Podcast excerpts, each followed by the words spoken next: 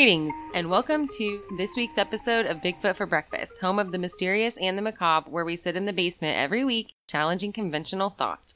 We are your hosts, Samantha Carter. and Sarah Jones, and we are so, so happy that you're back to hear another episode. We're getting a little closer to Halloween, and we have some pretty creepy stuff coming up in the next few weeks that we're really excited about. So be sure to come back and check them out. While you're at it in your podcast app, make sure that you press the subscribe button so you can be notified every time there's a new episode, which we put out every Monday. If you get time, leave us a rating on the Apple Podcast app and a review if you feel so inclined. It really helps us out and it helps other people find the show more easily, and we really, really appreciate that. So, this past weekend, we got to spend a little time at a really cool Halloween festival in Ottumwa, Iowa called Halloweenapalooza. We had a really great time, so if you've never been, you should really check it out next year, especially if you're a horror movie fan. They had some crazy stuff lots of vendors with artwork, Halloween crafts and costume contests, a zombie walk, and they always have a special guest. This year was the actual good guy doll from the Child's Play franchise, along with Alex Vincent, who played cute little Andy. It was pretty cool, and we actually met some really cool people, so it was a good time. Speaking of people that we met, we talked quite a bit with the host of another podcast out of Kansas City, Missouri called Nightmare Junkhead, where they do reviews, interviews, and commentary on horror films. And he was cool enough to tell us a quick story about a questionable cryptid that he came across one night in Kansas. And in the spirit of cryptids, which happens to be the theme of the episode today, we'll be playing the story at the end of the episode. He was really personable and he was a funny guy, so he made the creepy encounter into quite a comical tale, and we think you'll really enjoy it. So stay with us. It was foggy out and I was a little bit afraid. And this big thing come just like trucking, you know? Just trucking down the road at me, man. I looked at it and I'm like, ah! And I ran, I got back in the car. You know, and before I peeled off, that thing scratched the back of the car. So today we're gonna graze on one of my favorite cryptid topics, the werewolf. Like cows, will graze. Perhaps the most famous of American werewolf tales, The Beast of Bray Road has created controversy and argument among cryptozoologists since the 1990s when the story of these sightings gained popularity. The arguments aren't so much over whether or not the beast exists, but over what the beast might actually be. That's right. The debate lies in the nature of the beast having been titled both a werewolf by locals and Bigfoot by cryptozoologists. Some stories describe a canine like humanoid or a hairy humanoid. We could argue the possibility of shapeshifters and or Bigfoot. Either way, no matter what it is, we can't really dispute the fact that there are so many claims and therefore we are intrigued. Something weird is lurking along the four mile stretch that is Bray Road in Wisconsin. Okay, to give you a little layout of the area, Bray Road lies somewhere near Elkhorn and Delavan, Wisconsin. It's a widely known rumor that the moon is made of cheese. Therefore, one can surmise that Wisconsin is probably the most appropriate place to find a werewolf. Get it? Because the moon and werewolves? It's appropriate because Wisconsin is known to produce more than 13.5 billion kilograms of milk every year and over 1 billion kilograms of cheese, which is a lot. Fun fact Green Bay Packers fans are known as cheeseheads. For those who may be somewhat unfamiliar with Wisconsin, it's a moderately sized state that is extremely forested with over 16 million acres belonging to the wildlife, and this covers almost half of the entire state. Bray Road is a county road that lies along the southwest part of the state, just west of Elkhorn and about 40 miles south of Milwaukee. It's a pretty obscure area. It kind of looks like rural country out of town with houses and small farms scattered down the road here and there. No really close neighbors. It's just kind of your basic country road, which is easy for us to imagine being from the Midwest. We'll put a little bit of a disclaimer in here. Apparently, from our readings, Bray Road is heavily patrolled due to people visiting the road at night because of the legend. They seem to have had some issues in the past with people going onto landowners' property, messing around, trying to spot the beast, and the locals aren't really loving it. So, before you decide to take a drive down to Bray Road, we recommend just leaving it at a drive and not doing so much stopping or getting out in case you might be obscuring traffic or trespassing. We don't want to encourage any inconsiderate behavior. So be good, guys. And don't get dead. Yeah, especially that. Don't get dead. A little bit of history will tell us that Wisconsin would be a great place to find an obscure monster such as a werewolf or whatever it is. When Wisconsin was first being settled in the 1800s, the mix of people was mostly composed of German, Dutch, Scandinavians, and Belgians. A lot of these cultures were known to tell a lot of werewolf stories. This is not us discounting sightings or encounters with the beast in any way. We're simply stating that it isn't super surprising that when a strange creature was being sighted, that it would quickly be named a werewolf. What is surprising, though, is the fact that these sightings go back to the beginning of the settlement of Wisconsin when they described that there was a creature who would attack people and animals and then immediately vanish. It seems that sightings of the creature plague Wisconsin throughout its entire history, and the accounts are all so incredibly similar that it seems unlikely for it to be different animals. The descriptions usually put the creature being tall, human like, covered in hair, with a head like a canine. Like we said, the sightings happened and were recorded throughout the history of Wisconsin, but they really picked up steam in the late 80s and early 90s and have persisted to this day. So let's talk witness account. We're going to touch on as many specific encounters as possible, but by no means can we say that this is all of the encounters with the beast. But these are probably the most well known. So let's start with the earliest report to my knowledge, which was reported in 1936 by a local man named Mark Shackleman, a night watchman at St. Coletta Convent. Convent, a little bit cliche. No.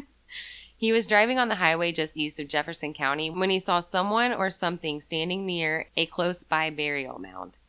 As he got closer, he could see that it didn't appear to be human, but he wasn't quite sure what it was. As he got even closer, the creature came into view more clearly. He described the beast as being about seven feet tall and estimates that it weighed around 500 pounds. The beast of Bray Road appeared to be digging at a mound with shriveled fingers. Shackleman reported that it was covered in dark fur and he noticed a strong, repugnant smell, which he described as rotting meat. He panicked and fled the strange beast. Days later, he got up the nerve to return to the area, and by his account, the beast was still there. This time, he was able to get a really good look at its wolf like face, and he says its hands were human, with what he described as a twisted thumb. Shackleman said that the beast made a grunting sound, which he heard to sound like a Gadara. After what he said was a several minute stare down with the beast, it disappeared into the nearby woods. For those who may be unfamiliar, in the Bible, Matthew, Mark, and Luke mention the city of Gadara, in which Jesus encountered men who are possessed by demons, which introduces another possible theory that this beast could be a demonic presence. But let's move forward. In 1972, there was a report made to Wisconsin Department of Natural Resources of a large creature which tried to break into a house in the area and caused harm to a farm animal in the form of a large gash. Another sighting reported in 1989 was that of 24 year old Lorraine Endrizzi, who was driving home from work around 2 a.m. on Bray Road when she saw something that appeared to be crouching on the side of the road. Thinking it was a man, she slowed her car to get a better look. What she saw terrified her. She said that at one point she was within six feet of the beast. She reported that she saw it for about 45 seconds and described it as being a large, brownish, gray haired covered creature. It had large fangs, pointed ears, and a face like a wolf. Endrizzi noted that the beast was built very broad like a bodybuilder and looked very powerful. When the tabloids started printing photos of the beast and making the stories sound a lot more dramatic than what they actually were, she publicly discounted them and called them ridiculous. I can totally agree with her because the stories and happenings with the Beast of Bray Road are interesting enough without blowing it way out of proportion just to make it more incredible. I feel like the papers who do things like this only discredit the witnesses who are actually only trying to tell about what they saw and not make it more sensational. In 1990, Mike Etten reports having seen a giant wolf like beast with glowing reddish orange eyes sitting back on its haunches, eating what appeared to be roadkill. He describes that he was eating this animal and holding his prey with his palms facing upward, which is really unnatural for most predators. So we're seeing a theme here, right? That like it only comes out to eat the dead stuff on the side of the road. Mm-hmm. Which is, you know, honestly, eating the roadkill is unnatural for a predator. I mean, that's scavenger behavior. Yeah, they Whereas- mentioned that at one point that it was odd that it was more of a scavenger like creature than Mhm. for being a wolf. Not out hunting deer, which you know that the deer population in Wisconsin is ridiculous. Yeah, definitely. So that is kind of strange. In December of 1990, 11 year old Heather Bowey was playing in a cornfield near Bray Road with her friends. Near dusk, the kids are ready to head home when they notice the creature. They thought at first that it was a large dog, so they began to walk closer to the animal. It surprised them by standing upright on its hind legs and chasing them to the edge of the corn. Surprise! Once reaching the corn and once the children escaped into the open field, the beast simply stopped. It remained there, watching them from between the rows. It wants you too, Malachi. In 1999, there were quite a few recorded sightings. On October 31st, Dorothy Gipson, whose voice you heard in the news clip at the beginning of the episode, was driving at night on Bray Road near Delavan when she felt a bump. Thinking that she may have hit something, she stopped and got out of her car. I'm going to stop here and say one thing. No. No. And nah. If you are driving alone in the night on a lonely stretch of country highway and you hit an unknown creature with your car, do not pull the car over and get out of it in order to inspect said creature. Dorcine, I know you meant well, and I'm sure she was checking for signs of life so that maybe she could help, but have you never seen every horror movie made? Stay in your car. She saw nothing behind the car, but as she looked around, approximately 50 feet away, Gipson saw a very large, bizarre looking creature running straight at her. See? this is why you don't get out of the car. You stay, in there. in. She quickly got back into the car. Good girl. Let this be a lesson to you. and she started to drive off. The beast jumped onto the trunk of the vehicle, but quickly slipped on the wet metal and fell off onto the pavement as she sped off. Gipson told a neighbor about what had happened, and she showed him some deep scratches on her car trunk that she said resembled lodge lodge claw marks. Brooklyn this week. She got a pocket car in the car park. Wear your khakis. yeah. Lost my khakis. Oh, not, not khakis. no, not khakis. Khakis. Khakis. Khakis. khakis. Later, she went back to the same place with her neighbor, and the beast was still there. It likes to hang out for a while. Th- they don't. No. they didn't stick around at all to get a better look.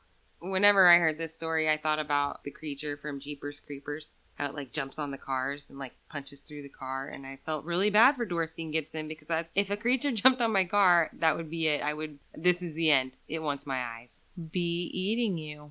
This particular interaction catapulted catapulted. catapulted. I don't really know why I I went catapulted to the car park with my khakis. Lordy. This particular interaction catapulted the Beast of Bray Road to the national news. Doristine reported the incident to the police, and the word got around to local reporter Linda Godfrey. Of course, Linda Godfrey is now extremely well known and has written several books about American monsters focused primarily in the upper Midwest. In 1993, Inside Edition did a television piece on the beast in which they interviewed a few eyewitnesses. There were many other accounts reported in the 1990s, but let's skip ahead a little. In July of 2004, Katie Zahn reported that she and three friends were out in a field when they began hearing noises like trees rustling from what she described as a hundred or so yards away.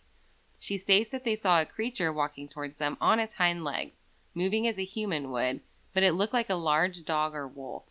They quickly ran to their nearby cars and drove away. On October 30th of 2004, around 8:30 p.m., an unnamed woman who was about 45 years of age at the time was driving up and down the road with her 14-year-old daughter and a friend in hopes of catching a glimpse of the beast. I want to touch on the fact that this witness is a nurse, so she has some knowledge of anatomy and physiology, and the account we're going to review is credited to Linda Godfrey via the creature sightings log. The witness accounts that she was driving slower than the posted speed limit on Bray Road. She says something popped out of the corn about two miles down the road. She describes the creature as looking very aggressive.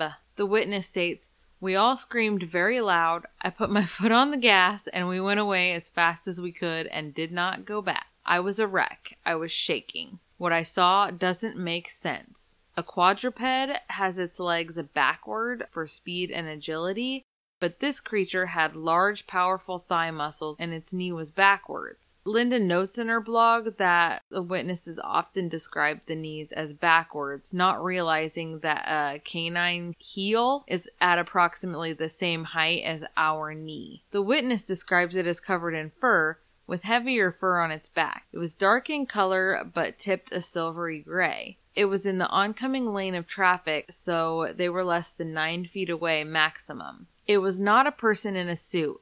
It was way too tall, about seven feet, way too brawny, and its eyes were glittery and dark. They had no sclera or whites like a human eye in a mask would have. Its head was big, almost too big for its body. It had an elongated snout but pointy, not rounded like a lab's. It stood there, and then it hunched over into an aggressive stance. Its arms were bent at the elbow and forward. I couldn't see the hands. The ears were pointed and shaped like a German shepherd's, but laid back. So she compares what she saw to a sketch that Linda has on her blog of an indigenous dog man. The musculature on the legs was heavier than the drawing, though. You definitely should check out the creature log blog. Look at some of the drawings, and some of the witness accounts are also written out on there. So, back to her story, she says it was looking right at me. I felt it was aggressive and would defend itself viciously. This wasn't a dog or a wolf. It had canine features, but it was something else. Something other. She says they had a feeling that they were not safe, and even though they had cameras all over the car because they had gone out searching for the beast, they didn't bother getting a picture. When they saw it, they just screamed in unison and floored it. Kind of makes me think of like, it kind of makes me think of paranormal investigations when people are like, "What do you do when you see a ghost?" I'm like, I've never seen a ghost. If I actually saw a ghost, it would, it would scare the hell out of Probably me. scream and run. I would be terrified. so it's really funny. Like you go out looking for these things, but for real, I mean, holy cow! Yeah. If you really saw the audio would sound like beep. A lot of footsteps scurrying away. Okay, so I'm not sure that I would have sat there long enough to get a photo either. So even though they went out looking for this, I don't blame them because you don't really expect to actually see the things to see the things. to see the things. Another such account occurred on April 25th, 2006, near Powers Lake in Kenosha County, Wisconsin. This account is credited to the same source. According to the creature log, this witness reports to have sighted the man wolf three times. Two times in mid February, and then again April 25th while making his drive to work early in the morning. The creature was spotted approximately at 3 a.m. and on the same 3 to 6 mile stretch of road on each account. He describes that he first observed the creature crouching in the ditch. It then rose to stand on two legs, arms at its side, much like a human's. According to the witness who reports to have observed it at close range and in several positions, the beast closely resembles the sketch on the creature log blog. The tail and lo- the tail is longer and fuller, about 18 inches, he estimates. He has seen the creature cross the road on all fours as well, and estimates that it was at least five feet long from nose to rump, and its back stood almost three feet off the ground. It appeared unafraid of him and stared at him with yellow glowing eyes. When it stood, it appeared slightly hunched over, similar to what other witnesses have described. Steve Krueger reports that in November of 2006, while working under contract with the DNR, he was picking up roadkill along the highway at 1 a.m. He collected a specimen and was sitting alongside the road in the cab of the truck doing paperwork when he felt the truck shaking. He looked in the rearview mirror and states that he saw a large animal with the body of a bear and the head of a wolf with pointy ears reaching into the bed of his truck where the roadkill was. I looked at it, it's fine.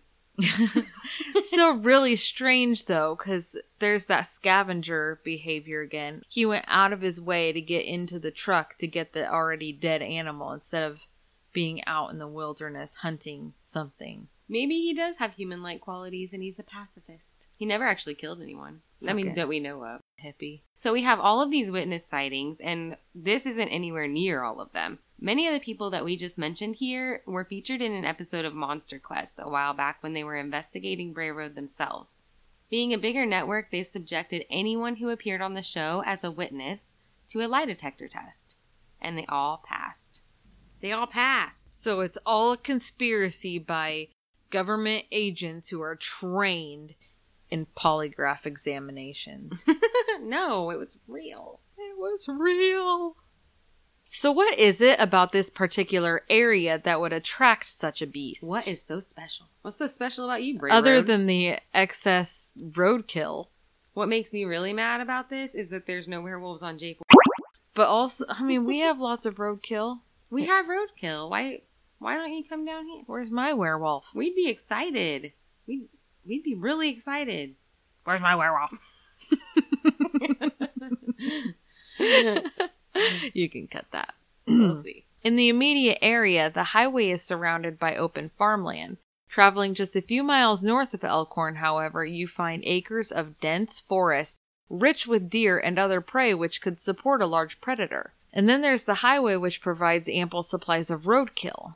The roadkill, as we've mentioned, is a common element in many witness accounts. It's strange, however, as we said before, that the beast would behave more as a scavenger than a hunter, which presents the mange bear theory. Mange bear? Man, bear, pig. Man bear pig. Man bear pig.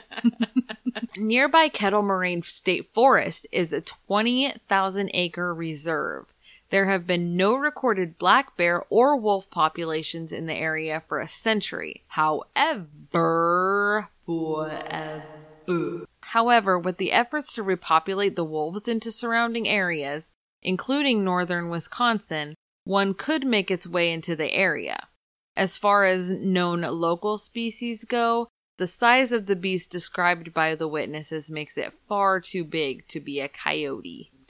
Let's venture away from Bray Road for a moment to say Michigan, where numerous accounts of the Michigan Dog Man have been reported. Similar in description to the creature seen hunting Bray Road, the Michigan Dog Man has also gained quite a following.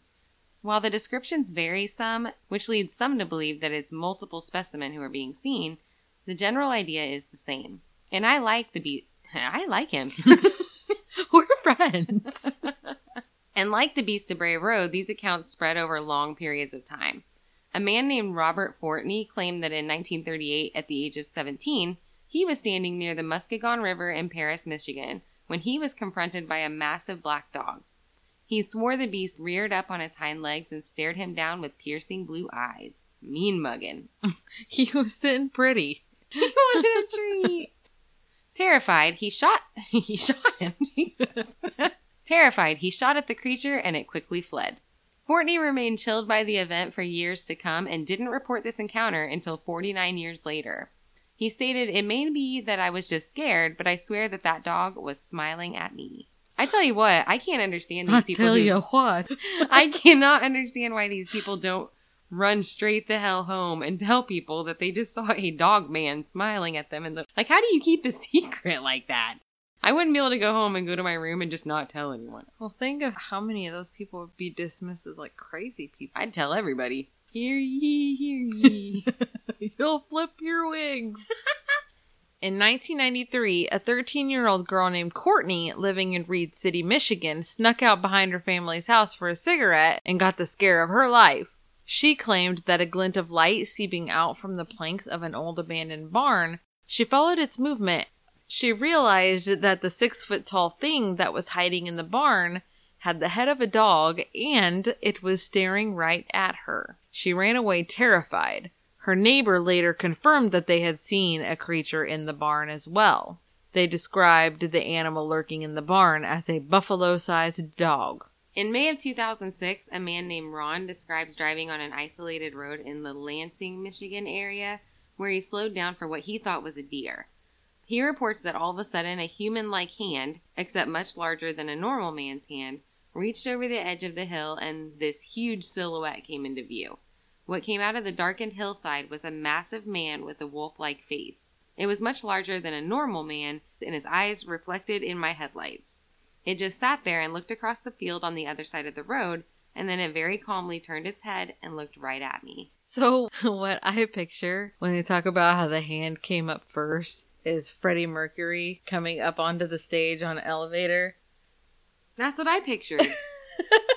Because I'm like, what do they mean by like, did it grab, did it grab the whole hill and like he saw the hand over the hill and then it pulled itself up? And then the rest of it followed. I'm with you. All right. The Gable film, which was said to be grainy Super 8 video footage of the Dog Man, was captured in the 70s, has been a source of controversy for decades. If you haven't seen it, I suggest you take a look at the YouTube and see what you think. From what we can gather, it's a short video of what looks to be a large, hair covered animal running toward the cameraman on all fours. The fact that the creature is moving quickly and the film quality is not great doesn't give us much for clear visual. Obviously, this has created a lot of skeptics because it's not good proof, and a lot of people claim it's a bear attack, and that's that. I'm not going to speculate on what I think it is because, in all honesty, I watched the video and I can't tell. I really couldn't either, and what I would have expected for the beast based on the witness accounts is for it to be on two legs. Yeah, I mean, honestly, if you look at the video, it really could be any large animal. It's kind of like the Bigfoot videos where people enhance, enhance, mm-hmm. enhance, and it's still just so pixelated and crappy that you can't see anything. And so you might as well not even waste your time trying to figure out what it is. Bigfoot is blurry. Bigfoot just is blurry. Werewolf or canid like beasts stories have been recorded throughout history and worldwide. While the concept of werewolves is widely dismissed among cryptozoologists, there are some investigators with interesting theories on the subject. Some researchers think that these sightings may represent a hidden species of hyperintelligent wild dogs that evolved to become bipedal, and therefore these dogs coincidentally ended up looking something like a cross between a person and a wolf. Other theories considered fringe cryptozoology present that difficult to explain creatures such as the werewolf are native to parallel dimension of reality and are merely visiting this one. I think it's just Michael J. Fox. Could it be that these are a canid cousin of the Sasquatch? A lesser known or less widely embraced theory is that these human animal hybrids are the subject of alien experiments. And that's how they've come by their shape shifting abilities. I'm not going to delve too deeply into the extraterrestrial theories in this episode. We'll save that for another day. But it is talked about by a few, so we thought it best to throw that one in there. As far as American werewolf lore goes, it doesn't end with the Beast of Bray Road. Nor did it begin there. and one of the creepiest, most unexplained areas that exists in America still lies in the heart of Utah on Sherman Ranch. Otherwise known as Skinwalker Ranch, this place really deserves and could fully support its own episode, as other podcasters have done in the past, but we will dive into that just a little bit here. Odd wolf like cryptids are not the only thing commonly reported here. The Sherman family moved to the ranch in the 90s and quickly began to experience all that was bizarre and different about the place. The Shermans and many, many others who have visited the area commonly reported UFO like activity mysterious doorways with light pouring out of them and then later disappearing, disappearances, and strange surgical like mutilation of cattle, and yes, wolf like creatures that exhibit some very strange abnormal behavior. The difference is the experiences at Skinwalker Ranch go way beyond just sightings. These were often actual interactions. And people who were involved in these interactions firmly believed that the wolves were smart often exhibiting behavior that was far more intelligent and intuitive than any other animal that they had seen. Many report that they felt the wolves were reading their minds and even exhibiting some unnatural influence over them. Can we spend the night there? Not anymore. It sounded like they went through phases just after the Shermans moved out that they would let people kind of come and stay, but that was like a really short amount of time. And then some guy bought it because he was interested in the ranch and he's basically just used it for his own personal research and study, and nobody's allowed to go on there at all anymore. So that sucks. Dream crusher. I know. We should have been millionaires and can just buy a sweet ranch with werewolves and UFOs. Anyway, the most popular story took place soon after the Shermans moved in. They brought their cattle in with them from New Mexico, and as they were unloading and sorting the cows, the family noticed a large wolf in the distance. This was pretty weird because wolves aren't native to Utah, so when the wolf began trotting toward them, the family was obviously a bit concerned about its intentions. The wolf sauntered up, acted more curious than aggressive, and even let the astonished family of humans briefly pet him. After a while, one of the small calves stuck its head through the fence, and the wolf calmly walked up and firmly put the calf's head in its mouth, attempting to kill it. Now, from what I read, the cattle that the Shermans owned weren't just ordinary cattle. These were super high priced cattle, so losing a calf was a really big deal. Terry Sherman and his son grabbed their rifles and shot the wolf several times at close range before it finally let go of the calf. It slowly turned to stare at them. The men shot the wolf some more, and then the wolf finally turned and ran in the other direction. It seemed annoyed, but not distressed in any way by the several bullets that had just entered its body. Because they were not silver several bullets. Right. It just stung a little. Sherman and his son tracked and followed the wolf, wanting to be sure that they had killed it so that it wouldn't later return to kill their expensive cattle. They found no trace of the wolf, no blood that should have been plentiful. So while there are some similarities between Bray Road and Skinwalker Ranch, there are also a lot of differences, I think.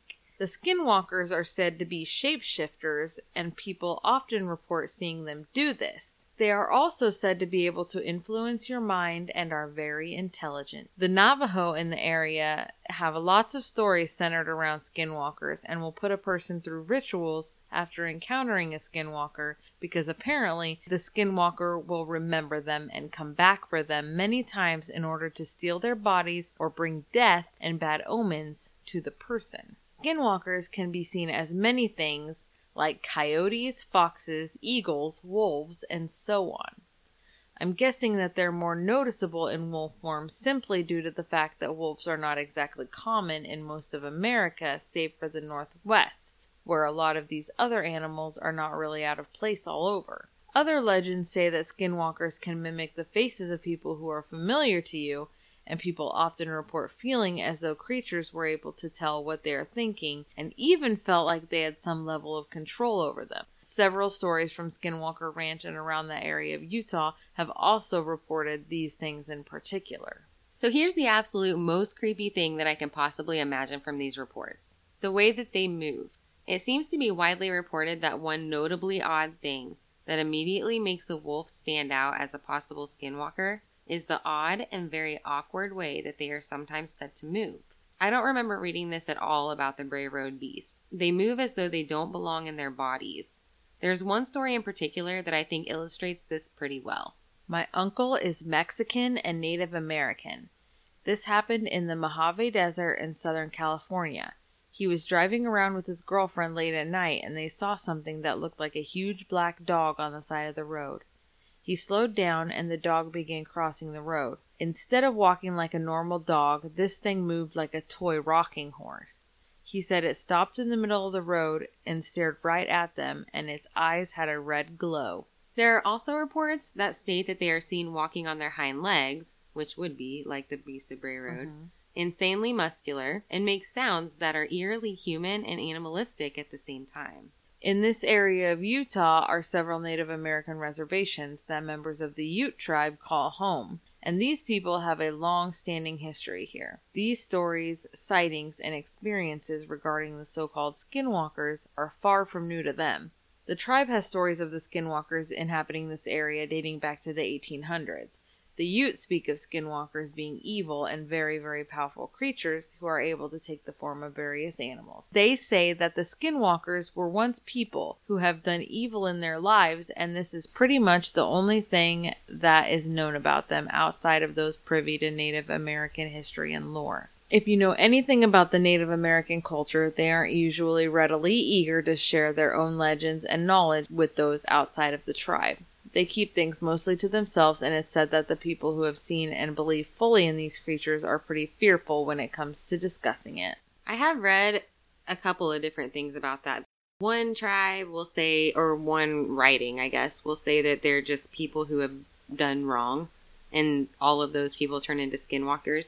But then another writing said that it was more specifically witch doctors who have gone bad and used their magic against other people in in various ways to harm them. And those are the people who end up sentenced to the skinwalker way of life for all of eternity. So, in most of those cases, it's considered a curse, Yeah, a punishment. it seems to be so. In Twilight, though, it's a rite of passage. We don't even talk about Twilight in like this the house. cool kids in Twilight get to turn into wolves. I'm gonna say it. I don't like Twilight. It's the worst. That's fair. I probably just alienated half of our listener base. Sam likes it though. I think that sparkly vampires are an atrocity. I think anything that sparkles is fabulous. I hate glitter. It's really hard to get out of the carpet. It's hard to get out of everything. Glitter is the devil. So obviously, the Beast of Bray Road isn't the only report of canine or wolf-like cryptids throughout America and likely won't be the last. But what are the connections? The reports within certain areas seem to be all very similar to one another and similar at best to other accounts in other parts of the country. But there are a lot of things that don't correlate too. Where in Utah, there's the presence of the skinwalkers as canid creatures that are abnormally eerie and don't seem to fear humans. The Beast of Bray Road sounds physically similar, but seems to withdraw from human presence. Extended interactions with the beast don't seem to happen, where many have reported long visits from the skinwalker in which it almost appeared to be friendly. Almost. The skinwalkers are reported as being wolf like, but some report them as being almost hairless. Some say it depends on which shape-shifting form they happen to be in at the time of the sighting. The Beast of Bray Road always seems to be reported as being very hairy and will chase humans if they happen to get too close to them. So who knows? A lot of people seem to try to compare the two, but personally I think that they are two entirely different entities that happen to both be canid. Yeah, one of them seems to be like a highly intelligent, actual animal like wolf, Yeah, and the other one is more of a humanoid scavenger, really. yeah. He's not, there's not really any intention from the Beast of Bray Road, it seems like, where with the skinwalkers, they're trying to steal your soul or your skin. Maybe it's like two different either species or tribes, I guess, that developed differently. Yeah, I don't know. I just think that they're not they're not one and the same. There's a lot of comparisons that make them that try to really put them in the same category, but I don't think that they are. I think they're I think they're entirely different. Mm-hmm. Personal opinions. Well, that concludes this week's episode of Bigfoot for Breakfast. Although this account isn't Beast of Bray Road related, it is right up the alley of the cryptid category, so we're going to play the witness encounter of Genius McGee from the popular podcast The Nightmare Junkhead, the Nerds of Nostalgia, and the Media Rewind podcast. I don't think I've ever heard anyone tell a cryptid story in such a funny way. He took it much better than I would have. I'm guessing that having a lot of knowledge when it comes to horror films and the desensitization that it helps a person achieve probably helped him think it through. Anyway, here's Genius McGee's crazy story. So, um, one late night um, in Kansas City on 18th Street Expressway, which is odd because it's right off the highway and it's a busy little expressway type thing. Not as busy as a as a normal highway. But I'm driving out. Just got finished a movie. And it wasn't even, you know, there was stuff on my mind or anything like that. It was just a regular movie. And we're driving, and I see this roadkill off the side of the road. Normally, you don't think anything of it. You look at it and like, oh, what poor animal just got splattered, right? Well, so I'm looking at it, and, it, and it's moving as I see it from far away. Mind you, I'm far enough to I can see it, but still, like, enough to, like, what is that trying to make it out? And as we get closer, as the lights start to hit the roadkill, this thing rears up out from the underbelly of the roadkill and it the best way I could describe it, you remember Ren from Ren and Stimpy? Remember Ren and Stimpy? Okay, so Ren, how he was kind of short, like the bald hairless chihuahua with a big head and a really skinny body. Well, it looked like that when it reared up, but it had this these rows of sharp teeth, and it just we locked eyes and it just went. Ah, it just snarled, and it had still meat hanging down from his mouth. And I go, shit! I'm screaming, I'm honking on the horn. It turns and it hops away like a kangaroo on two hand, on two, on those, on its haunches. Just, ah, ah, ah, ah, and just kind of like had these little like almost T-Rexian claws and it's like, "Ah, ah, ah," and just hopped away. I flipped out. I almost wrecked my car. I'm like, shit! And I'm like, I don't know what I saw. All I know is I saw something weird. And it was like at night, but like nine o'clock. We were still gonna go do something else afterwards. And I'm like, I'm taking you home. I'm I'm done with this. Cause, you know, in horror, it, it, it helps horror fans are the best because we know yeah like oh i'm not going to that murder barn you know, all the way in the car so we have better rules if i wasn't so like apt to like not mess with it i'd probably well let's go see what it is because there's all these grain silos and stuff there and i thought maybe it was a rat but not on its haunches and not hairless so the freakiest thing that i've seen and it still haunts me to this day by the way, I'm Genius McGee, Kansas City, co host of the Nerds and Nostalgia, the Nightmare Junkhead, and the Media Rewind podcast, and also president of the Kansas City Horror Club. So that is a very strange story. Kansas would be a weird location for a sighting, but the way that he describes it makes me think of how people have described the chupacabra. Thank you, Genius McGee, for hanging with us for a minute and sharing that. Obviously, for anyone into the horror genre, check them out. They're funny and they have a great show. Oh, I was going to throw in here too. For anyone who does visit this area of Wisconsin, they've really begun to embrace the whole idea of the Beast of Bray Road and just kind of taken the whole thing in. So they have a lot of curio shops dedicated to this and A brewery. a brewery and they have a restaurant I think named for the Beast of Bray Road in which they make Beast of Bray Road cookies. So get, get you a cookie. And a beer. Get up there and get you a beer and a cookie, a wolf cookie. There's that. As usual, thank you to anyone who is listening and please don't forget to press the subscribe button and listen to us weekly as new episodes will be up every Monday. Check out our website www.bigfootforbreakfast.com and after you've listened to a few episodes, please don't forget to rate us and comment on the show on iTunes. These things keep the show going and let us know what you think because for real, we want to know what you think. Thank you so much for listening and we hope you'll stick with us Forever and ever. and ever. We all Bigfoot for breakfast. You want a cookie?